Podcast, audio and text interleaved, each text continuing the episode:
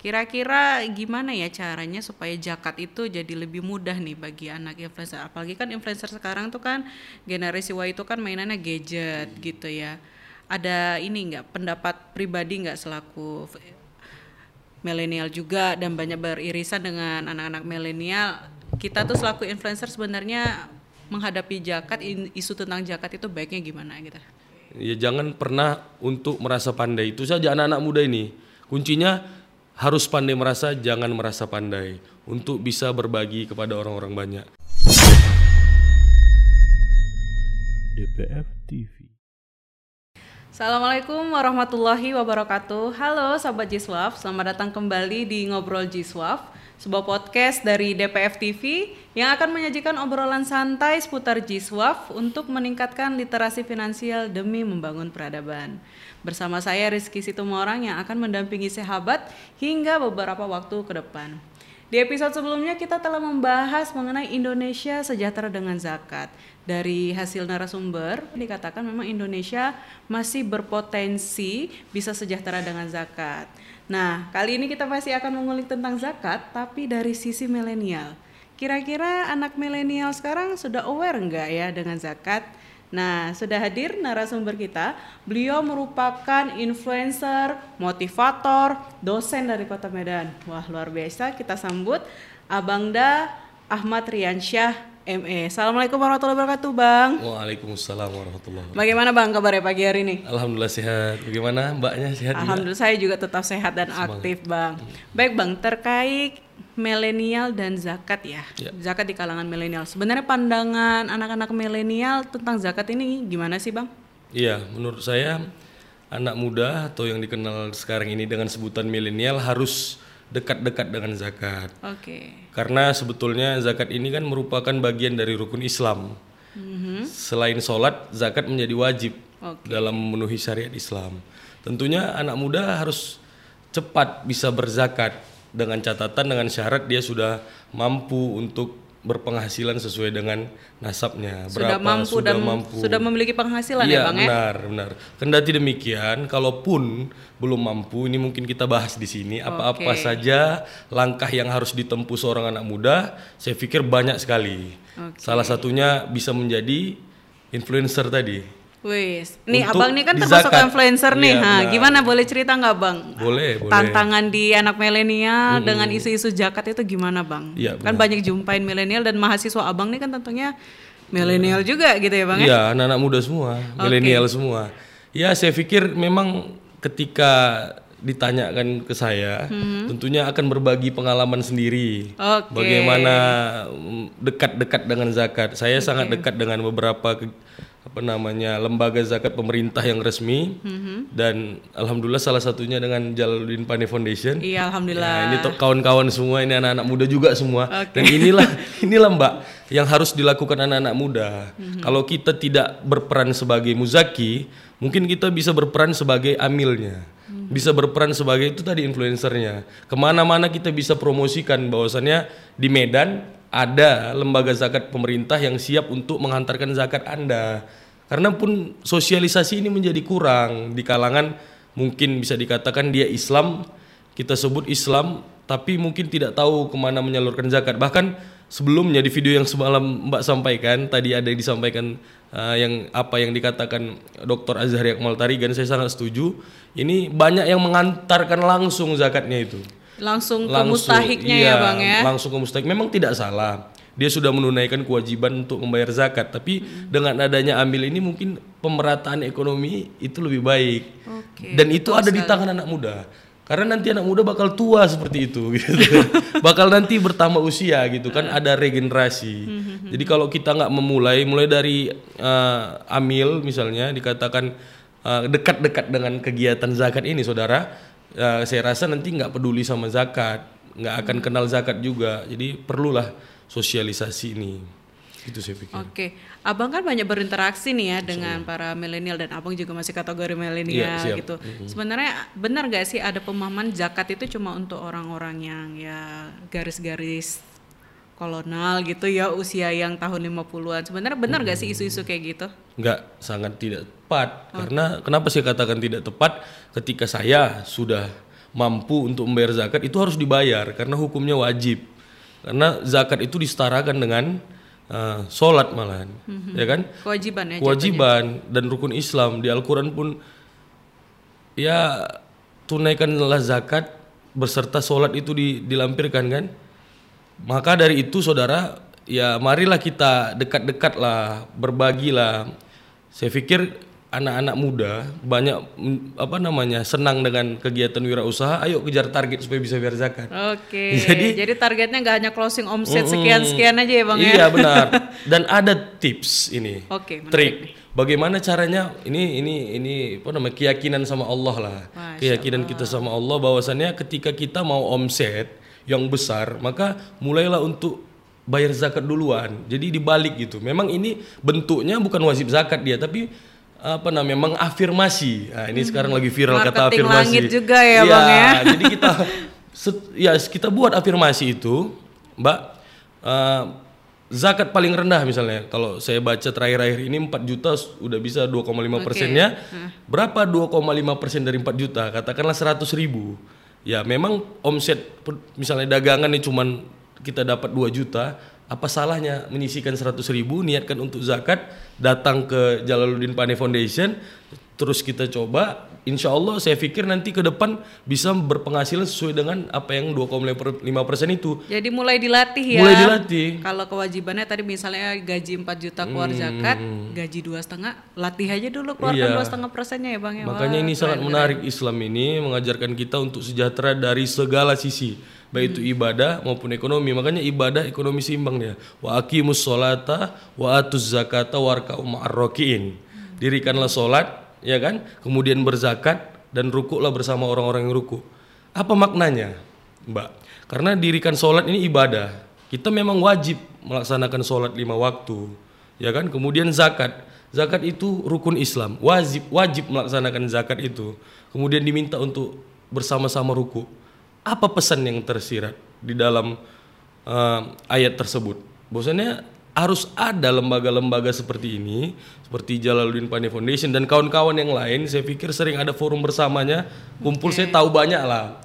Saya tahu banyak di Medan ini semuanya punya niat yang sama, sama-sama ruku sama-sama, sama-sama tunaikan apa namanya rukun Islam ini untuk dikenalkan kepada seluruh umat. Mungkin eh, cara memerangi orang yang tidak bayar zakat zaman Abu Bakar yang baru kita lah ini. Wah, Gitu. Masya Allah. Menarik ini bang. Dari sisi influencer bang, kira-kira gimana ya caranya supaya zakat itu jadi lebih mudah nih bagi anak influencer? Apalagi kan influencer sekarang tuh kan generasi Y itu kan mainannya gadget, Gadget. gitu ya. Ada ini nggak pendapat pribadi nggak selaku milenial juga dan banyak beririsan dengan anak-anak milenial. Kita tuh selaku influencer sebenarnya menghadapi zakat in- isu tentang zakat itu baiknya gimana gitu? Ya, saya pikir memang harus bergerak dari segala lini, termasuk dari media sosial. Hari ini kita lihat jadi perhatian besar media sosial dibandingkan televisi konvensional. Katakanlah Udah YouTube mulai nggak laku ya TV udah mulai ketinggalan. Ya satu persatu mulai ketinggalan, malah kita tahu youtubers youtubers itu berhasil dengan tayangan-tayangan yang ada, apa yang ditampilkan. Nggak menutup kemungkinan zakat ini bisa disosialisasikan dengan cara itu, dengan cara YouTube. Ya kemudian Instagram begitu banyak kita bisa lihat eh, apa namanya orang yang mengiklankan produk-produk di Instagram. Bagi anak muda kita juga bisa mengiklankan zakat di situ. Oke. Mengenalkan sama seluruh masyarakat luas apalagi yang berinteraksi di lingkar-lingkar itu adalah seluruh anak-anak muda lebih banyaknya dibandingkan yang yang eh, lebih tua. Tapi saya pikir ini bukan berarti saya diskriminasi bicaranya milenial saja. Bagi yang tua tapi jiwanya muda, saya pikir itu juga anak muda. Tetap harus semangat juga dekat-dekat dengan kita Oke, gitu. Oke oke oke bang. Tadi kan abang dosen iya, influencer iya, motivator iya. Saya dengar abang juga lagi lanjutin S3 ya? Insya Allah ya lagi S3 ini Di mana S3-nya bang? di Uniza, Malaysia. Unisa. Iya, Ngangkatin, Universitas Sultan ngangkat isu apa nih bang? Nanti untuk Kebetulan saya ngambil eh, iya disertasinya itu tentang zakat produktif. Jaka produktif Iya, ya. insya Allah ini bisa menjadi bekal untuk sharing lagi. Intinya tujuannya semua bukan untuk kita bulat-bulat, tapi berbagi bagaimana untuk berpikir mensejahterakan lingkungan, saling interaksi. Saya pikir Mbak hadirnya kita di sini eh, untuk itu. Hadirnya kita di sini, kegiatan kita ini untuk itu. Untuk apa? Mendekatkan kita kepada eh, apa namanya zakat, jiswab dan eh, apa namanya syariat yang ketinggalan mungkin. Saya pikir ini sangat ketinggalan. Oke. Kalau abang pribadi kan tadi kebetulan abang termasuk cukup aware ya dengan isu zakat gitu ya. Bahkan eh, di disertasinya juga mengangkat tentang zakat. Ada apa alasan pribadi abang begitu ingin apa ya, memperkenalkan zakat nih kepada anak-anak milenial ataupun ya semua seluruh masyarakat muslim gitu. Apa yang menjadi motivasi abang pribadi? Ya ketika ditanyakan motivasi, saya pikir memang ada niat di dalam hati, dalam diri untuk umat ini maju sejahtera. Kenapa kita tidak berjuang sama untuk maju melangkah ke depan? Kita berbagi bersama karena banyak sekali orang susah yang di pandangan kita. Tingkat ekonomi yang lemah ya. Bahkan kalau ditanya kita di Malaysia itu pernah berbagi cerita di sana, mereka susah untuk memberikan sumbangan, eh, baik itu infaknya, zakatnya, sedekahnya, ke mana? Karena rata-rata sudah pada mampu, Mbak. Tapi Sampai bingung ya mau dikasih ke mana zakatnya. Iya, benar sekali. Itu kita sempat diskusi dengan pengusaha ada, yang ada di Malaysia. Kemudian ketika dicontohkan di negara kita, saya bukan mengecilkan, tapi inilah alasan untuk supaya untuk membuat hal itu dekat-dekat dengan zakat agar bisa sejahtera lah seperti negara lain. Kenapa? Ketika kita coba pada masa itu membagi makanan-makanan, ya momen itu luar biasa ketika dibuka pintu makanan untuk orang miskin yang ada di pinggiran jalan, rata-rata berebut malah digrogoti gitu bahasa bahasa tanda kutip ini digrogoti. Nah ini yang yang berbeda dengan negara lain. Itu alasan Itu saya di Indonesia. di Indonesia Contoh- tadi. contohnya ya. Hmm, benar. Itulah alasan saya kenapa dekat dengan zakat, kepengen terus untuk ini. Bahkan saya punya cita- cita-cita sejahteranya negara ini bukan dari bank, tapi dari lembaga zakat. Jadi Indonesia sejahtera itu Dari benar-benar dari, lembaga- zakat ya bang ya, Iya. dari zakat itu. Oke. Iya, apalagi zakat produktif. Zakat produktif ini bisa disetting dengan anak-anak muda di dalamnya menjadi konsultan. Begitu banyak tamatan-tamatan ekonomi yang ada di Indonesia ini. Yang me- apa namanya mempelajari kewirausahaan, yang mendapatkan gelar sarjana. Dan mereka-mereka ini kaum milenial yang berkecimpung di bidang ekonomi ini bisa menjadi trainer. Trainer bagi orang-orang yang dibagi zakat produktif. Gitu, Mbak. Jadi momen-momen milenial ini bisa karena kan milenial itu terkesan apa ya terkenal dengan semangatnya yang penuh full power gitu ya. Jadi Iya. bisa mengedukasi juga masyarakat luas ya bang ya. Iya benar sekali tepat saudara. Oke, ada saran nih nggak bang untuk teman-teman milenial kita sahabat Jiswaf di TV? Apa gitu yang menjadi supaya mereka tuh tetap bersemangat gitu untuk membumikan zakat. Ini ya, khususnya milenial muslim ada saran nggak gitu? Ya buat kawan-kawan kaum milenial saran saya adalah marilah sama-sama kita berjuang di jalannya Allah. Dari kemampuan kita masing-masing dari cara kita masing-masing ada yang jago dalam juru rekam videografi marilah dipush untuk dekatkan umat ini dengan zakat bagi yang jago desain grafik ya kan marilah buat gambar secantik-cantiknya seindah-indahnya untuk kegiatan-kegiatan mendekatkan sosialisasi anak-anak muda kaum milenial dan seluruh masyarakat ke zakat ini baik yang jago bicara jago ngobrol Kayak abang lah ya. Ya, kayak kita kita inilah. marilah kita setting untuk berdakwah, marilah kita bawa acara menjadi mediasi, media moderator dan lain sebagainya untuk dekatkan juga uh, umat kepada zakat. Ini hal yang luar biasa, Mbak. Karena kalau kita uh, pikir-pikir ketika tidak ada jemputan bola itu maka untuk di negara kita ini kurang begitu efektif langkahnya. Jadi memang harus dijemput gitu, dirangkul. Karena apa? Cara menjemput orang-orang, cara menjemput uh, selain zakat ini seperti kegiatan lain ini lumayan dahsyat gitu. Sangat cepat apa itu? Misalnya game online. Lebih cepat jemputnya. Langsung ada game terbaru ya kan? Kemudian ada promo terbaru dan lain sebagainya. Kenapa zakat nggak seperti itu? Ya kan? Bisa ini ke depan saya pikir marilah gunakan teknologi saat ini dan kemampuan masing-masing untuk bersinergi dalam dunia zakat. Menarik nih Bang. Tadi kan Abang bahas bagaimana ketika ada game-game baru itu kayaknya isunya cepet ya. Ada isu game A, game B kayaknya langsung dapat gitu. Tapi memang faktanya terkait zakat ini isunya mungkin masih belum terlalu bisa di blow up. Kira-kira gitu, ada pengalaman nggak Bang? Hmm, gimana zakat itu apalagi kan Abang sebagai tadi pendidik iya juga, motivator dan juga influencer eh, apa ya kebiasaan apa yang bisa dibagikan juga kepada sobat Jiswap yang udah abang praktekin dan itu berpengaruh gitu dan bisa juga diamati tiru dan modifikasi nih sama teman-teman di ATM rumah ya? iya di ATM gitu bang Ya, saya mau singgung ke game online-nya dulu sebelum Oke. ke situ. Memang gini, saya pikir ketika game online itu dimainkan, kita punya ruang untuk berkreasi. Ternyata anak muda ini sebetulnya butuh ruangan untuk berkreasi. butuh wadah Ya, berarti saya nggak begitu dekat dengan game tembak-tembak itu, yang bunuh-bunuh, bunuh-bunuhan atau Thanos-Thanos itu ya? Thanos-Thanos itu saya nggak dekat sama sekali. Tapi saya mau bagi game yang saya mainkan dulu. Oke. Yang sering saya mainkan saya saya rasa ketika ada yang uh, untuk satu kali dua kali nggak seperti dulu hampir tiap hari saya mainnya itu aja. Satu kali dua kali saya mesti mau coba untuk main gitu. PlayStation sepak bola. Oke. Kita punya ruang di dalam itu untuk berkarir untuk meningkatkan prestasi itu juga yang di Thanos-Thanos tadi tuh Kenapa? Ketika kita mulai dengan game uh, sepak bola ada klub yang bisa kita bangun, kemudian stadion yang bisa kita punya, ya kan? Kita bisa beli jual pemain. Oke. Nah, ini yang dipengen anak muda sebenarnya.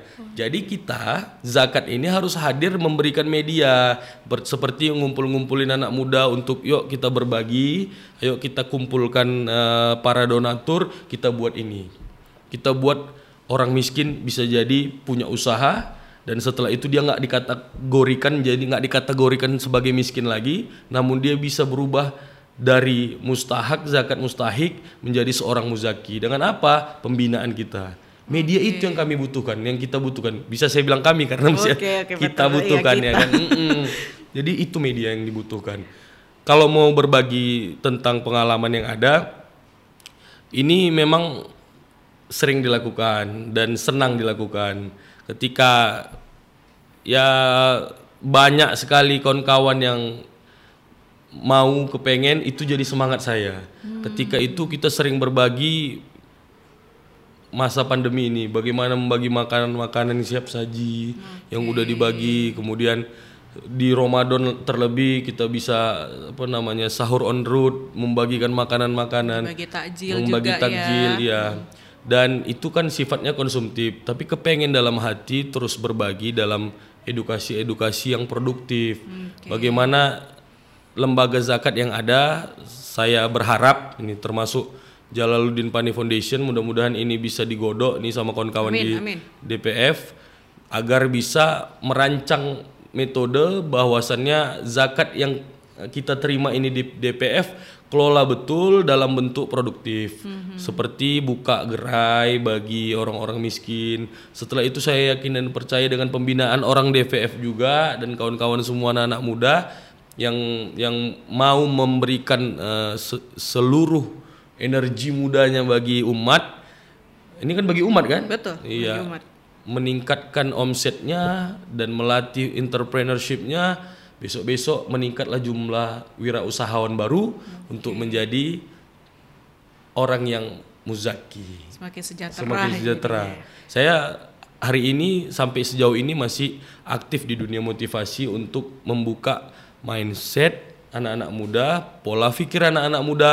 Yuk bagaimana bisa jadi pengusaha dan kalau mau menjadi pezakat atau muzaki atau orang yang mampu membayar zakat harus bisa punya penghasilan yang sesuai dengan standar zakatnya. Kalau misalnya Oke. kita UMR saya pikir belum belum belum bisa menjadi orang yang wajib membayar zakat kan karena kan 4 juta rupiah baru bisa saat ini untuk menjadi wajib zakat. Tapi boleh dilatih ya dengan pendapat UMR tersebut mulai disisihkan tiap bulan rutin untuk dikeluarkan. ya. Boleh. Kalaupun belum jatuhnya zakat bisa jatuhnya infak gitu ya bang. Oke. Ini mau cerita dikit boleh? Boleh boleh. Tapi mudah-mudahan ini nggak jadi unsur ria, sombong, nauzubillah min zalik. Saya dulu eh, aktif berwirausaha, ya kan. Kemudian saya suka bergaul dengan lembaga zakat, salah satu lembaga, lembaga zakat besar juga di Kota Medan.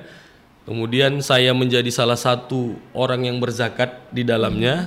Saya ngambil zakat yang paling minimum tadi cerita 100 ribu padahal penghasilan saya pada masa muda itu sebelum sekarang ini lebih jauh rendah dibandingkan sekarang yang saya dapatkan.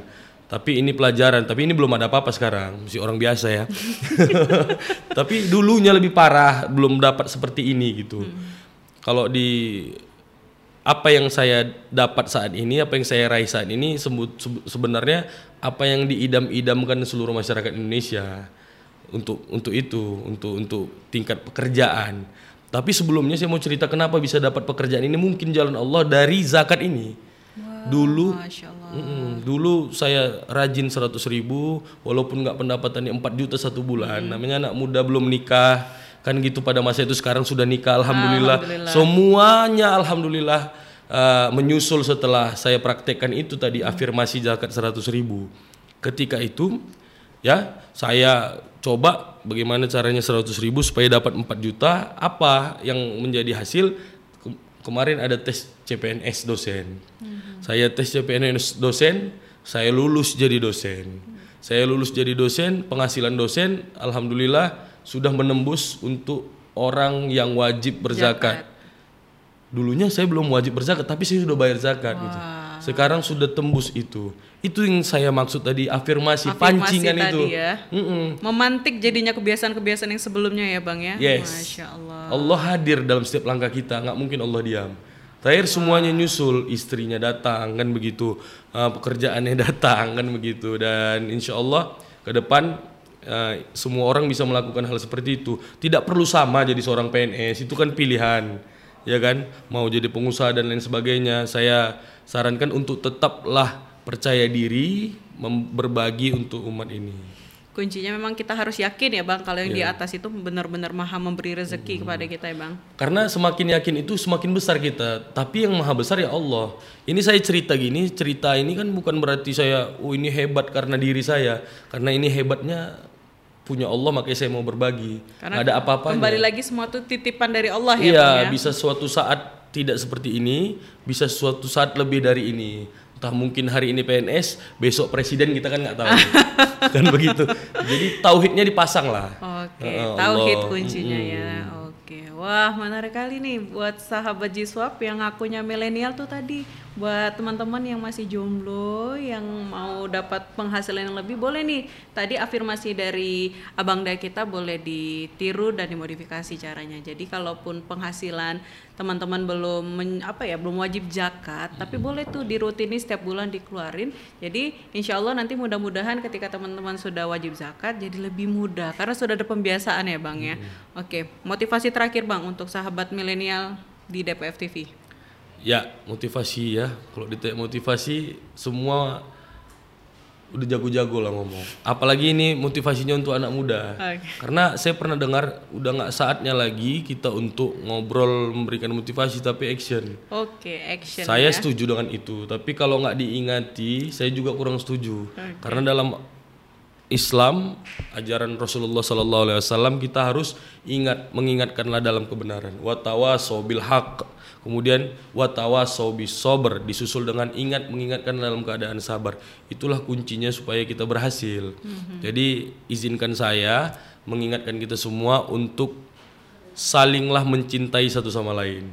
Salinglah memberikan kasih, memberikan rasa berbagi satu sama lain. Baik kita dengan teman, baik kita dengan orang-orang susah, fakir, miskin eh, dan lain sebagainya. Delapan itu yang eh, wajib untuk kita zakati. Marilah berbagi itu karena semakin kita pandai merasa, maka kita akan menikmati apa namanya balasan Allah yang indah. Oke. Ya jangan pernah untuk merasa pandai. Itu saja anak-anak muda ini. Kuncinya harus pandai merasa, jangan merasa pandai untuk bisa berbagi kepada orang-orang banyak. Yang penting gini, Mak.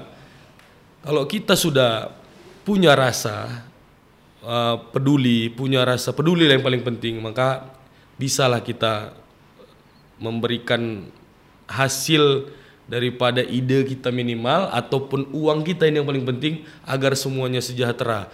Karena harapan kita seperti Malaysia tadi ketika mau ber- berbagi zakat sudah bingung. Bingung mau siapa yang diberikan zakatnya. Nah itu harapan kita nantinya. Kenapa? Semuanya rupanya sudah mampu. Jadi kita zakat ke mana? Zakat yang ekspor. Ke mana? Ke negara lain. Yang mana? Yang belum bisa mampu. Kan nggak salah. Oke gitu. oke wah masya Allah.